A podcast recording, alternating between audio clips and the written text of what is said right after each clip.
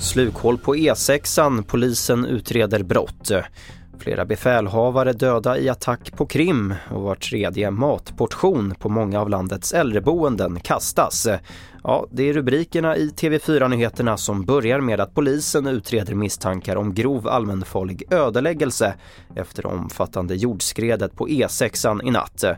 Förundersökningen handlar bland annat om sprängningar som genomförts vid en byggarbetsplats i närheten. Christian Örling är stadsgeolog. Man har förflyttat eh, massor, lagt upp mycket schaktmassor. Men det känns eh, rimligt att, eh, att gissa att det har med det att göra på något sätt. Och så här säger Trafikverkets presschef Bengt Olsson. Vädrets makter är kraftiga så att det är inte alltid så att, att eh, det blir som vi har tänkt eller att, att vi har så stor chans att göra någonting innan det smäller till. Så att eh, det är någonting som vi får följa nu och se om vi kan jobba på något annorlunda vis. Ukraina hävdar nu att fler högt uppsatta befälhavare inom ryska flottan dödades eller skadades vid gårdagens attack mot ryska flottans högkvarter på Krimhalvön. Samtidigt som kryssningsrobotarna slog ner i byggnaden i Sevastopol ska ett möte med höga militärer ha ägt rum enligt Ukraina. I natt träffades ukrainska Odessa av två ryska missiler.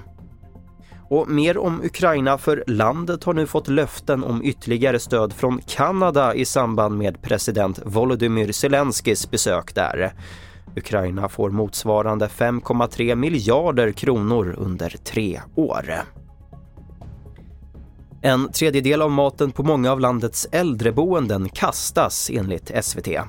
Förutom en onödig belastning på klimatet väcker det frågor om hur mycket mat de boende får i sig. Livsmedelsverket har bett kommunerna rapportera in hur mycket som slängs i köket när maten tillagas. Generellt är det tallriks och serveringssvinnet som är stort. Fler nyheter det får du på tv4.se och i vår app TV4 Nyheterna. Jag heter Albert Hjalmers.